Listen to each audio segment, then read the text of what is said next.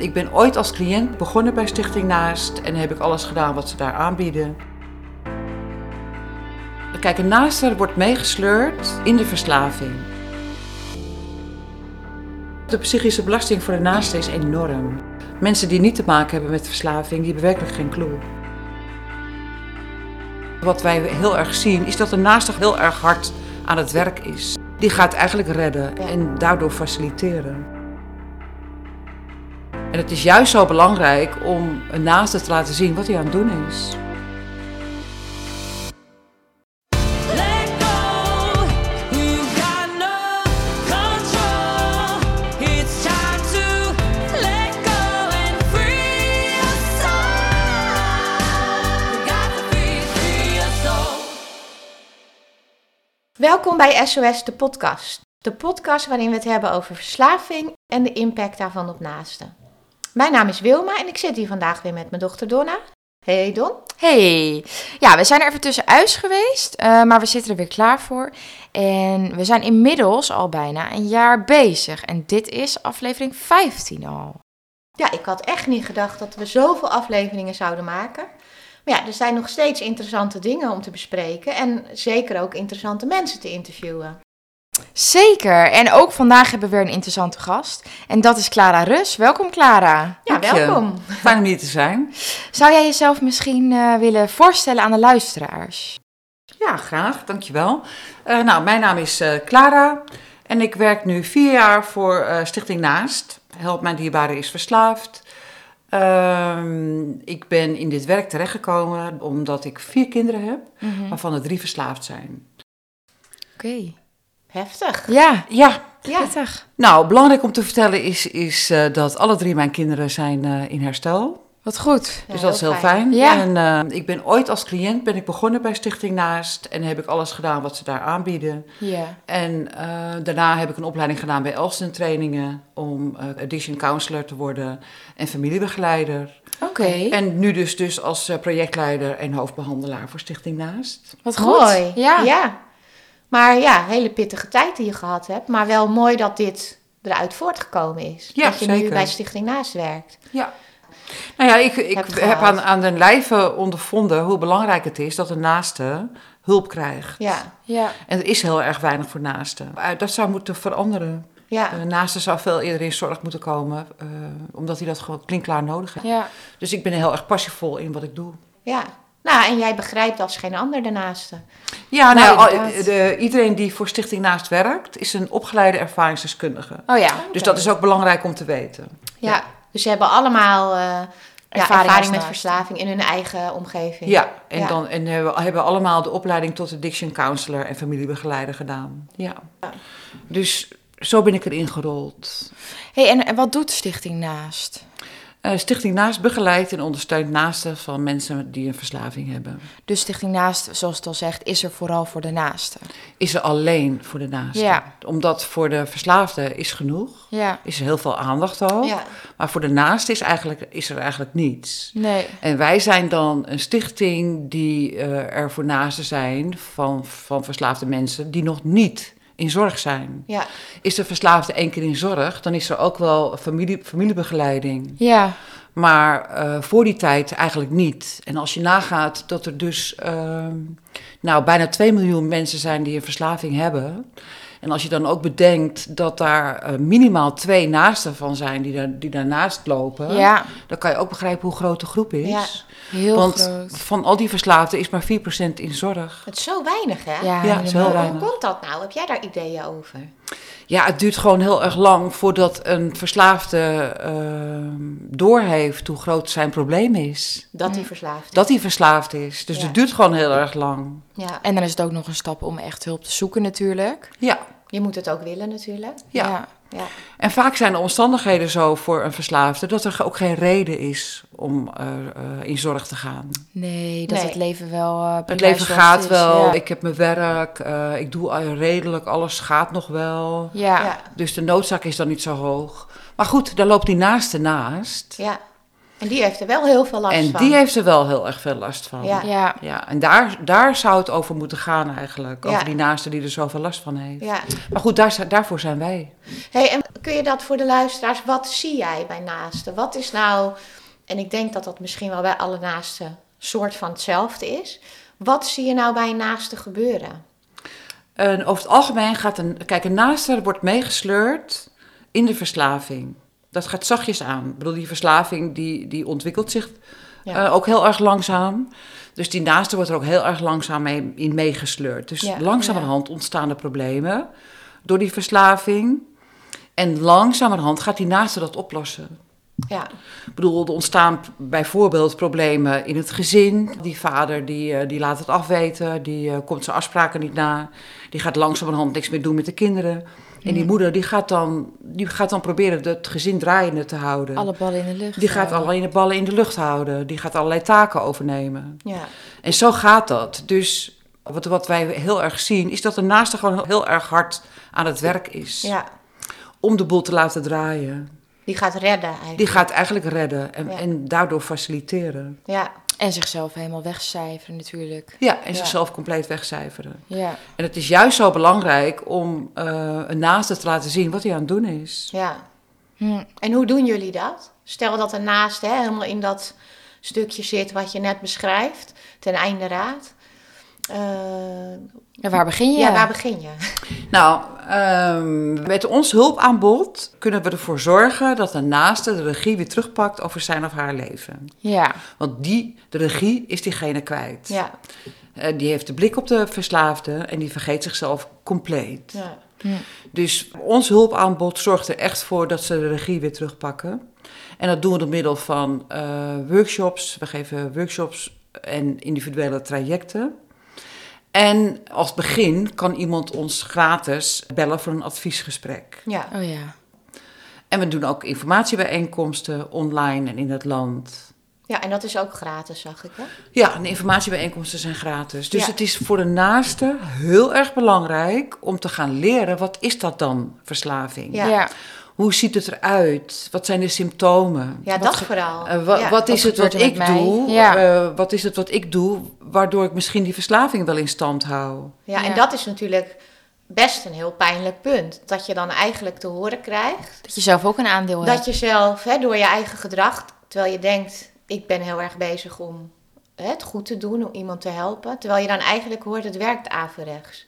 Ja, nou, dus best, lijkt me best moeilijk dat, voor naast. dat, is, een- dat is moeilijk om eh, te aanvaarden eigenlijk. Ja, Eh, maar het is ook heel fijn als je kunt leren... hoe kan ik het dan wel op een goede manier doen? ja, Kijk, en nogmaals, je wordt erin meegesleurd.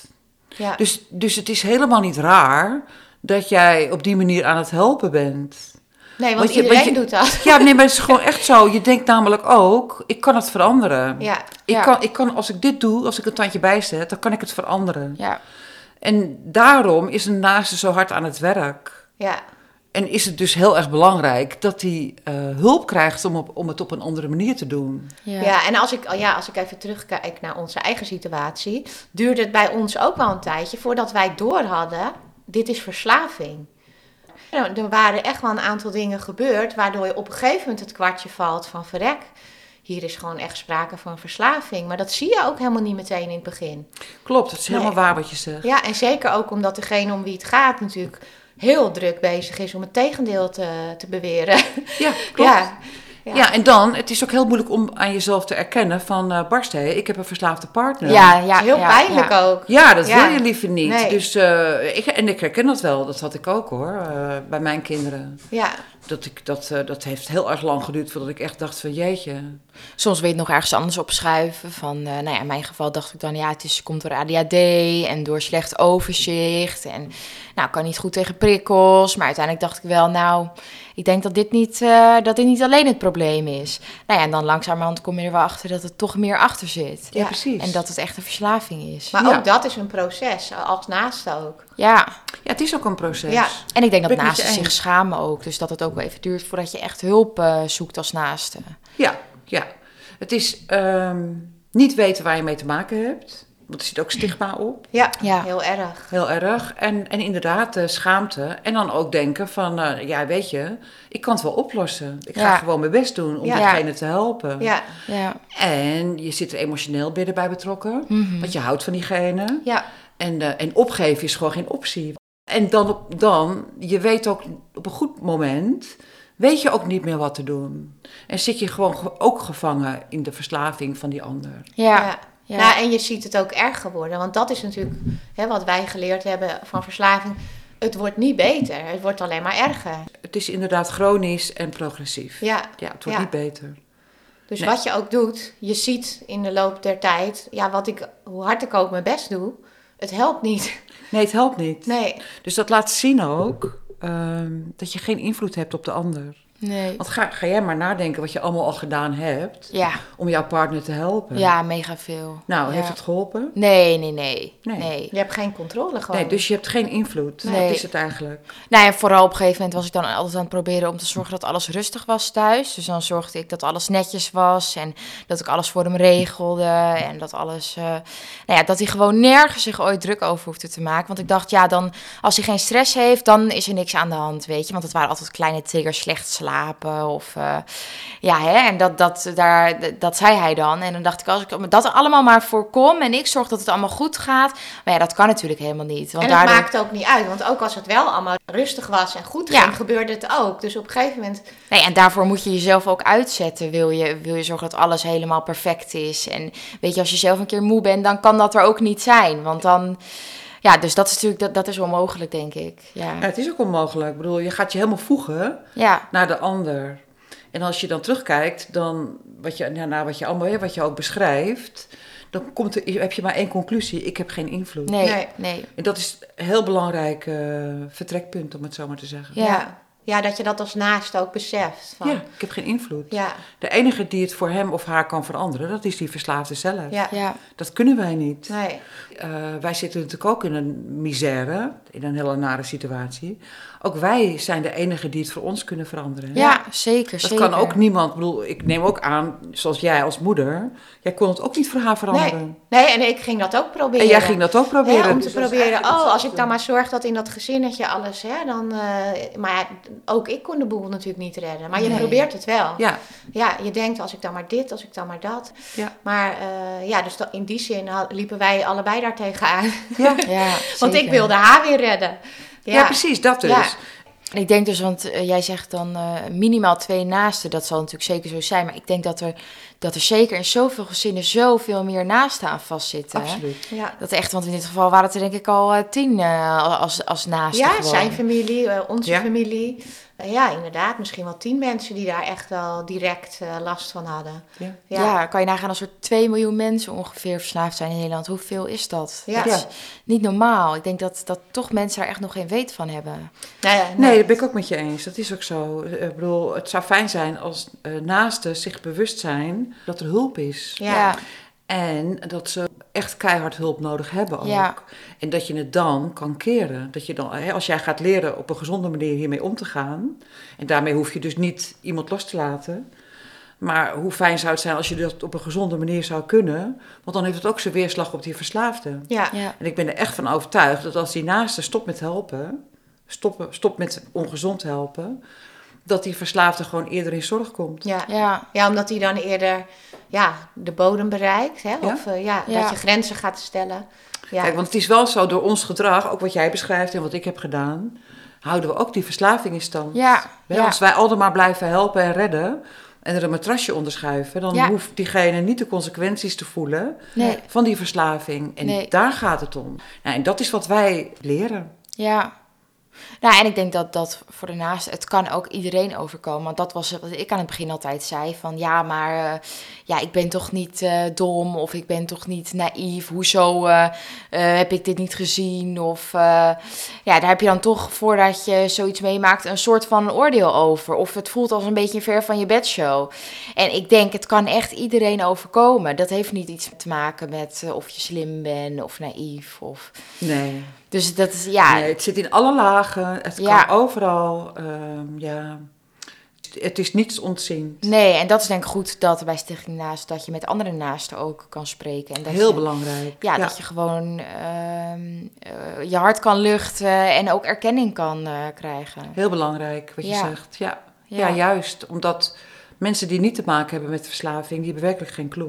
Nee, Nee, nee, en gelukkig zeker maar, niet. zeg ik ja, dan zeker, Want ja. daar hebben ze er niet mee Heel te maken. fijn, ja. Nee. Maar dan is het inderdaad fijn als je met eh, lotgenoten kunt, eh, kunt praten. Ja. Ja, Ja, want dan merk je ook echt dat het gewoon fijn is. Ja. Hè, dat je aan een half woord genoeg hebt en van elkaar precies begrijpt datgene waar je tegenaan loopt. Ik las ook ehm, op jullie eh, website ehm, het zinnetje van... ehm, een van de meest onderschatte aspecten van de impact op naasten is... dat verslaving ervoor gaat zorgen dat jij aan jezelf gaat twijfelen. Ja. Nou, Ja. ik las dat en ik dacht echt meteen... ja, dat is, gewoon- omschrijft helemaal waar wij last van hadden. precies wat er gebeurt. En, maar dat is dan zo fijn als je daar met anderen over kan praten. Van ja, hoe ging dat bij jou? En dat je dan zo goed van elkaar snapt. Maar daarom is het zo belangrijk eh, om te leren over het gedrag van die verslaafde. Ja, Wat is dat gedrag dan? Wat doet die? Nou, die, die verslaafde die doet er alles aan om aan zijn middel te kunnen komen. En om met zijn middel te kunnen zijn, zullen we maar zeggen. En daardoor worden wij gemanipuleerd. ja, En eh, door de manipulatie begin je aan jezelf te twijfelen. Want nou, hij of zij doet het op een ingenieuze wijze, zou ik haar zeggen. ja, dat is wel de rode draad. Ja, dat, dat ze is. allemaal hebben. Ja, dus, dus wij gaan twijfelen aan onszelf. Je gaat twijfelen aan van, eh, nou, doe ik het wel goed? Of, eh, bedoel, hij manipuleert zodanig dat er ergens in de verte zit er een kern van waarheid in. Ja. Mm. Eh, daardoor brokkelt je zelfvertrouwen af. Ik ging bijvoorbeeld heel erg twijfelen aan, aan mijn moederschap. Ja, Oh, ja. En daar werd ik ook echt op gemanipuleerd. ja, En ehm, nou, ik vond mezelf natuurlijk al een slechte moeder, omdat ik drie verslaafde Ja. kinderen heb. Ja. Ja. ja. Dus daar was ik heel goed op te manipuleren. En doordat zij dat deden, kwam ik in beweging en begon ik toch weer te redden. ja. ja. En ik had gewoon keihard hulp nodig om, één, om dat te, te kunnen zien. Wat gebeurt hier? ja. Wat is het mechanisme hier? ja. En twee, om eruit te kunnen komen. Ja, en op een gegeven moment ben je natuurlijk ook zo moe van alles en gestrest, dat je ook niet meer goed na kan denken van hoe zit het nou precies allemaal. Je zit ehm, eigenlijk in de fuik van de verslaving. Ja, Waar je gewoon zelf niet meer uit kunt komen. Ik bedoel, eh, mijn, eh, mijn hele dagen bestonden uit de verslaving van mijn kinderen. Ja. En ik was bezig om dat in de hand te houden. Mm. En om een andere draai aan te geven. En om te zorgen dat het niet meer voorkwam. Of in ieder geval om te helpen. Dus mijn dagen stonden in het teken van die verslaving. ja, Ja. En daar moet je uit. ja. Want nogmaals, ik kan ze niet redden. Nee, Nee. nee. Ik heb er geen invloed op. En Nee. ik kan het echt niet fixen. En dat zijn wel overtuigingen die ik had. Hoe zie je dat? Want jij ziet natuurlijk, eh, nu je zelf dit werk doet, eh, kom je natuurlijk heel veel mensen tegen die in dezelfde situatie zitten als waar jij in gezeten hebt. Ehm, maar zie je dan wel een, een heel goed resultaat, zeg maar, dat ook die mensen op een punt komen dat ze het kunnen zien, hè? Zoals, zoals jij dat ook destijds geleerd hebt, dat je er anders naar kan kijken, dat je grenzen kan stellen. Absoluut. Ja? Zie je dan dat zij ook die kanteling kunnen maken? Ja, eh, mensen die bij ons komen, die zijn vaak al eh, ook rock bottom. Ja, Als naast. Mensen als naaste, eh, dat is ook meteen jammer, want het zou fijn zijn als ze in een eerder stadium bij ons terechtkwamen. Ja. Maar goed, dus ze komen bij ons terecht als ze dus ook rock bottom zijn. Ja. En dan kunnen ze bij ons de workshops doen of het individuele programma. Dat ga ik straks wel uitleggen. Ehm, en ja, ehm, wij gaan leren over de ziekte van verslaving. Hoe Ja. ziet het eruit? Wat, wat doet de ziekte? Wat zijn de symptomen? Eh, we praten over manipulaties. We praten ook over wat er in de hersenen gebeurt enzovoort. En we laten ook zien wat die naaste aan het doen is. Want in het proces van die naaste, dat die langzamerhand in, erin meegenomen wordt.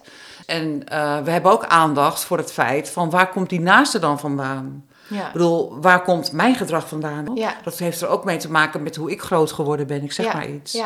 Dus we pakken het heel breed. Ja, dus je kijkt wel echt naar de onderliggende eh, Ook. oorzaken Ja. en dingen. Ja. Dus heel veel educatie over wat is de ziekte van verslaving, wat is het wat jij doet en hoe kan je dat keren. ja. Ja. En er zit ook een heel groot stuk communicatie eh, bij, ook heel erg belangrijk, want hoe communiceer je dan? Ja.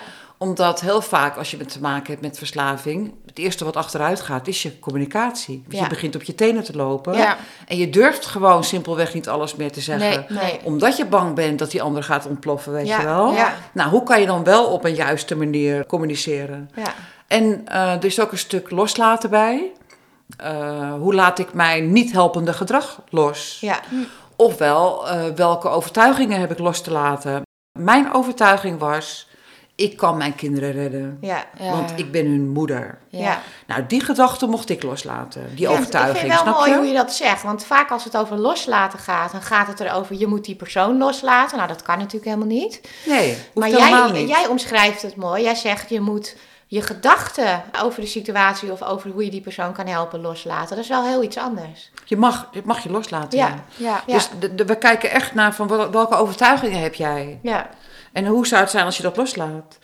Hoe zou het zijn als jij de overtuiging van ik moet helpen, als je dat kan loslaten? ja, Hoe zou het zijn als jij helpend kunt helpen? ja. En daarmee zeggen we niet van daar is het gat van de deur. Nee, Er zit nog een wereld tussen en daar kijken wij naar. ja. En Nou. elke persoon is anders ook natuurlijk. Ja. En elke persoon met een verslaving ook. Precies, dus we bekijken het heel erg eh, persoonlijk en dat is hartstikke nodig. Ja. Eh, En bij verslaving denk je al gauw aan eh, drugs of alcohol bijvoorbeeld. Eh, maar je kan natuurlijk ook verslaafd zijn aan gokken, gamen, Ja, andere dingen. Gedragsverslaving, ja zeker. Maakt dat bij jullie, is daar onderscheid of is dat eigenlijk, maakt dat niet zoveel uit? Eh, nee, we maken geen onderscheid. Nee. Het is voor, voor ons een middel. Ja, Iemand gebruikt een middel om zich beter te voelen, eh, om eh, wel met al die problemen, gedachten, gevoelens om te kunnen gaan. ja. En dat, ja, dat is dus een middel. Dus dat, kan- dat kan gamen zijn, dat kan drugs zijn. Maar het kan ook dat gedrag zijn. Ja, dus. dat, Ja, absoluut. Ja. Ja. Absoluut. En nou, wat ik zeg, wij kijken dan, wij kijken dan naar de naaste. Ja. Hoe dat op een andere manier te, eh, aan te kunnen vliegen. Ja. Ja. Want dan kunnen we er nog wat dieper op ingaan. Want je vertelde net al even iets over de individuele begeleiding. Leuk als je daar zo nog iets over vertelt. Maar je noemde ook even de workshops. Hoe werkt Ja, dat die precies? workshops die, die zijn door het hele land. Mhm. Eh, die zijn in Bussum, Den Haag, IJsselstein, Maastricht, Amsterdam en online. Sinds corona doen we alles online ook. het Oh ja. hele hulpaanbod is ook online en dat werkt ook heel goed. Ja. En we doen ook individuele begeleiding. En dat is een traject van 2,5 maand. En daarin loopt een counselor met jou mee voor 2,5 maand. Eigenlijk loop je aan de hand van de counselor Ja, omdat je krijgt dan eerst een intakegesprek. Daarin brengen we de situatie in kaart. Hoe is het allemaal zo gekomen? Ja. Eh, wat zijn jouw valkuilen? Wat heb jij nodig? Ja. Eh, we gaan een doel formuleren van waar wil jij staan over 2,5 maand. En dan gaat het er niet over van ik wil dat Piet eh, gestopt is met eh, gebruiken. Nee, dan gaat het er echt over van eh, wat wil jij? Nou, ik wil over, weet ik het, over 2,5 maand eh, wil ik in rust en in harmonie zijn. En het leven leiden zoals ik dat wil, bij Ja. wijze van spreken. Nou, dan ehm, krijg je een module thuisgestuurd. Die module, die, daar ga je mee werken. Dat is een online programma. Die is leidend. En daar staan opdrachten in. Nou, die opdrachten die, die maak je dan. En die stuur je op. En daar krijg je dan eh, feedback op. Oké. En er zit een dagboekje bij. Dus als je het dagboekje elke dag zou gebruiken, krijg je vrijwel elke dag feedback. Oh. Als je alles doet wat het programma je aanbiedt, dan heb je elke dag contact. Ja, Oké. oké. Dus Ja. elke dag iemand die even... Dus elke dag Ja. heb je wel eventjes contact dan met iemand. Dus je bent heel erg intensief bezig met de ziekte van verslaving. Ja. En dat is dus krachtig, want zo, zo langzaam als je erin bent gerold, zo rol je er ook door inzichten te vergaren ook weer uit. Ja. Ja, oké. Dus je hebt die tijd nodig. Ja. en dat als je dus tegen dingetjes aanloopt dat je denkt, oh, hè, ze, ze leren me wel dit of dat, maar vandaag ging het zus of zo, dat vind ik moeilijk, dan kan je dat dus bespreken. Dan kan je dat in je dagboekje schrijven, dan kan je daar feedback op krijgen. Ja, en als er nood is, dan stuur je even een appje naar jouw counselor. En dan eh, eh, wordt er tussendoor even gebeld met jou, Ja. weet je Oh, wel. ja, dus het is, heel, het is heel intensief. Ja. En daar zitten dan dus één intakegesprek en drie eh, losse gesprekken zitten er tussendoor. En alles kan dus online of live. Ja, ja, precies. Maar als je dus wat verder weg woont, hè, van die plekken bijvoorbeeld, dan kun je het online doen. Ja. Ja, of telefonisch. Nou, wat goed zeg. Ja, Ja, fijn. Ja. wel fijn, ja. Hey, en de workshops, want ehm, dat kan dus ook online of eh, ter plekke. Ja. Eh, maar dan ben je met een groep, zeg maar, met meerdere mensen. Eh, maximaal tien. Oké, Oh, oh, kleine groepjes. Ja, want het is Ja. interactief. Ja, En eh, nou, dat heeft thema's als inzicht in jouw rol als naaste. Dus dan, dan inderdaad een stukje psycho-educatie van eh, hoe en wat verslaving. En dan kijken naar van, nou, wat is het dan wat ik doe en wat ik anders zou kunnen doen. Dus daar gaat die workshop, workshop over. Dan is er een workshop grenzen stellen. Oh ja. Oh ja. Hoe voelt het als je een grens voelt? Want vaak is het zo dat jij eh, voelt je grenzen gewoon heel, totaal niet meer. Nee. Nee. Dus je moet echt weer teruggaan naar je basis, zullen we zeggen. Je onderbuik. Je onderbuikgevoel van eh, hoe voelt het voor mij een grens, als ik een grens stel? Wat is een rode vlag voor mij? Wat is het wat ik wel en wat ik niet wil? Ja. Ja. En hoe communiceer ik dat dan? Dus daar zit een heel groot stuk communicatie. En dan heb je de het laatste heet loslaten. Hoe doe je dat? En dat gaat dan inderdaad eh, over eh, welke overtuigingen hou ik me aan vast. Ja, wat je net al vertelde Ja, inderdaad. ja. ja. Heel interessant hoor. Ja. Ja. En op de website eh, zag ik, ja, ik heb even zitten kijken natuurlijk, staat ook heel veel informatie. Ja. Als je de website eh, goed doorspit, Ja, dan heb je al heel veel Ja. eh, informatie. Ja, er is echt al heel veel te vinden ook. Ja. Een blog zag ik ook. En, eh, Ja, nou, we hebben een nieuwsbrief, ook heel belangrijk. Ja, Dus voor de naasten die luisteren. ja. Ja, Kijk. Naast. Kan je hem noemen, de website? www.stichtingnaast.nl of www.helpmijndierbareisverslaafd.nl. Oké. Oké, nou dat is Ja. goed voor de luisteraars om even te horen. Er staat een agenda op, nou alles staat erop. Dus ik, ja, ik raad je echt aan. eh, Ja, om zeker om daar eens even rond eh, te Ja. kijken. Ja. Zeker. Hey, ehm, ik las ook iets, want er zijn wel kosten aan verbonden. Tenminste, sommige dingen. Hè. Dat, jij zei al even telefonisch advies en de informatiebijeenkomsten zijn gratis te bezoeken. Eh, maar de andere onderdelen, hè, daar, daar zit een bepaald bedrag aan. Maar ik las ook voor mensen die bijvoorbeeld echt niet eh, daar de financiële middelen hebben om dat te betalen. Dat je ook dan bij je gemeente ehm, zou kunnen informeren of daar ja, een vergoeding voor is uit een bepaald Oh, potje. goed. Klopt ja, dat? WMO. Ja. Oh ja. Je kunt bij de WMO kan je eh, een eh, PGB aanvragen. Oké. Oh ja. En dan zou je het op die manier kunnen betalen. Eh, wij vragen voor de workshops 35 euro per keer. Oké, nou dat valt wel mee. Ja, en als je, als, je, als je ze alle drie boekt, dan krijg je 15 euro korting. Oké.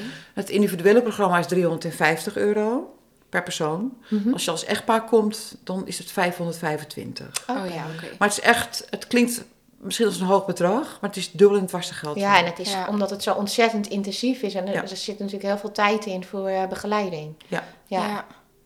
Nou, supergoed. Ja. ja. Ja. echt, eh, ja, wat ik, wat ik al even zei in het voorgesprek, wij wisten eerst helemaal niet dat het bestond. Ja, ik hoop ook door onze podcast dat eh, voor de luisteraars hè, die te maken hebben met eh, een naaste die verslaafd is, dat zij, dat, dat zij dit nu te horen krijgen en er ook iets mee kunnen doen. Ja, dat zou hartstikke fijn zijn. Ja. Want daarmee help je jezelf. Ja. Ehm, kijk, Stichting Naast legt gewoon een hele stevige basis. En als je dan dat gedaan hebt bij ons en je zou je dan aanmelden bij een, eh, eh, een eh, Koanon of een, een Naranon of een Alanon, Ja. dan heb je in ieder geval al een basis. Ja. Ja. En dan, hè, dan weet je al, eigenlijk al goed de richting aan te geven. En dan kan zo'n zelfhulpgroep, dan kan je daar heel goed in ondersteunen. Ja, ja, dan kan je het een beetje bijhouden, zeg maar. Ja, is heel belangrijk. Om daar af en toe naartoe te gaan. Ja, en om met gelijkgestemden te kunnen Ja, praten. ja, zeker.